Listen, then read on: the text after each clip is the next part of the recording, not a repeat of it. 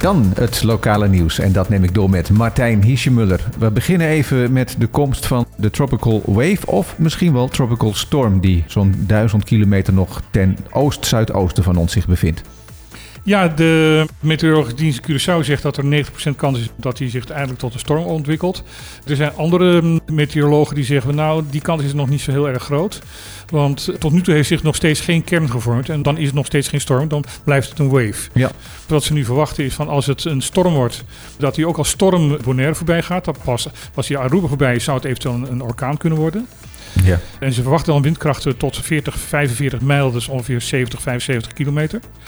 Als het een wave blijft, dan wordt het niet boven de 50 kilometer. En als je dat uitdrukt in windkracht, hoeveel is dat? Is dat windkracht 6, 7 zo ongeveer? Ja, nou ja, dat, in die buurt In- zit in- het dan. in die orde van in die grootte. orde van grootte zit Ja. het.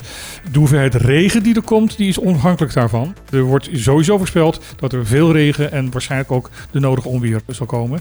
En dat we uit moeten kijken met overstromingen en ook nog landverschuivingen in verband met, met die overstromingen. Ja, en die regen kan ook al eerder komen, hè? Daar hoeven we niet voor te wachten tot morgenavond. Nee, dat eh, gaat waarschijnlijk zelfs al eh, het eind van deze dag beginnen. Ja. Al met al lijkt het er dus op dat het in ieder geval geen orkaan wordt als het onze eilanden voorbij komt. En dat in het ergste geval het een tropical storm gaat worden. Dat klopt. Dan is er ook een persconferentie aangekondigd vanmiddag om twee uur. Ja, door de waarnemend gezaghebber Oliano, omdat meneer Reina op dit moment eh, voor de vergadering van de Nederlandse gemeentes in Nederland zit, met de rest van de hele politieke top van het eiland. Ja. Wat zal in die persconferentie gezegd worden? Waarschijnlijk wat waarschuwingen en ja, hoe het ervoor staat. Ja, nou dat zullen we dan later nog even horen, want er zal ongetwijfeld een verslag van gepubliceerd worden. Zeker weten. Over die Vereniging van Nederlandse Gemeenten gesproken, die is dus vandaag en morgen. Je zei het al, de gezaghebber is daarbij. Wat gebeurt daar tijdens die eh, vergaderingen? Er worden een aantal dingen besproken van hoe het met de gemeentes gaat, hoe ze beter kunnen samenwerken. Wat dat betreft wordt inderdaad Bonaire, Sint-Eustatius en Saba ook als volwaardige gemeentes binnen de vereniging eh, gezien.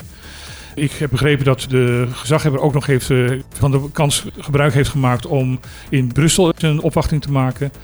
En er zijn verder afspraken met verschillende ministeries en gemeentes over prijsstijgingen, armoede, duurzame energie, nou, al dat soort zaken.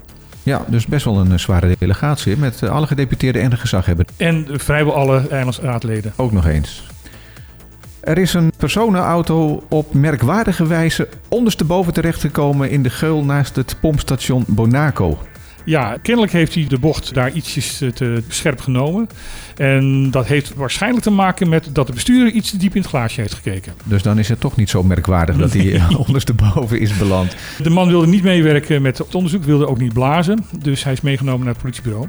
De twee inzitters zijn verder wel ongedeerd en de auto is weggetakeld. Want het zag er best wel ernstig uit, maar eh, dus ongedeerd de Ja, inzittenden. allebei. Gelukkig. Dan, ander nieuws. De jacht op drugsoperaties in het Caribisch gebied wordt opgevoerd. Wat moet ik me daarbij voorstellen? Nou, dat er meer gaat gebeuren, alleen maar op GoFast gaan jagen op, op het water. Maar dat er ook vooraf al acties worden ondernomen om dit soort zaken te voorkomen. Dus liaisons gaan gesloten worden om te voorkomen dat eh, sowieso die drugs op het water terechtkomen en getransporteerd worden. En al voor die tijd proberen om de onderzaak tegen te houden. Dus bijvoorbeeld in Colombia.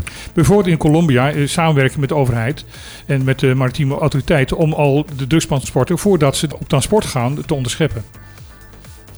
En voor de rest gaan er dus eh, ook rechercheurs van Fiat hier gestationeerd worden. En ook marechaussee mensen in het Caribisch gebied geplaatst worden, dus buiten de Antillen. Om op die manier alvast eh, de voeding te houden en te zorgen dat die spullen gewoon niet op transport gaan. Ja, nou komen de meeste drugs in grote containers Nederland binnen. Maar blijkbaar zijn er dus ook nog steeds zorgen over de drugs die via de Caribische eilanden naar Europa gaan. Nou ja, en en naar de rest van de Cariben. Want die GoFast die brengen het naar Curaçao toe. Of die brengen het naar andere eilanden toe. En dan gaat het daarna op transport naar Nederland. Het is niet voor niks dat je in Nederland nog steeds extra wordt gecontroleerd bij de douane als je uit de Cariben komt. Ja, niet altijd meer, maar wel steeksproefgewijs. Ja, dus eh, dat gevaar bestaat nog steeds. Tot slot, er is een ronde tafelgesprek geweest dat afgelopen maandag volgens mij heeft plaatsgevonden. Wat ertoe leidt dat er binnenkort een Kamercommissie naar de Cariben komt om over slavernij te praten. Het slavernijverleden moet ik zeggen. Er is al lang een afspraak gemaakt tussen eh, de Tweede Kamercommissie en alle belangstellenden en belanghebbenden die met slavernijverleden te maken hebben. Ja. dat er een ronde tafelgesprek zou komen. Dus een gesprek op volledige gelijkwaardigheid tussen eh, Tweede Kamerleden en de vertegenwoordigers van die organisaties. Ja. En een van de uitkomsten van dat gesprek Wat erg goed verlopen is, dat de Kamercommissies voor de Koninkrijksrelaties voor de Eerste en Tweede Kamer hebben besloten om hierover te gaan praten op de Antillen zelf. En dat er dus een zware delegatie naar Curaçao, Bonaire en Suriname gaat. Ook Suriname. Ja. Omdat Suriname natuurlijk ook een slavernijverleden Uiteraard. heeft. Men is wel erg blij met wat er nu gebeurd is. Het enige vervelende is dat alle fracties ter rechterzijde van de VVD niet aanwezig waren. PVV, Vorm voor Democratie, Ja 21, SGP, Groep Haga en de Boerenburgerbeweging waren niet aanwezig. Mm, hebben ze daar ook nog een reden voor aangegeven? Zelfs dat vonden ze niet noodzakelijk. Dat was hem voor vandaag. Morgen, als het weer het toelaat, een nieuw bulletin. Ja, laten we hopen dat het gaat lukken. Tot dan. Tot dan.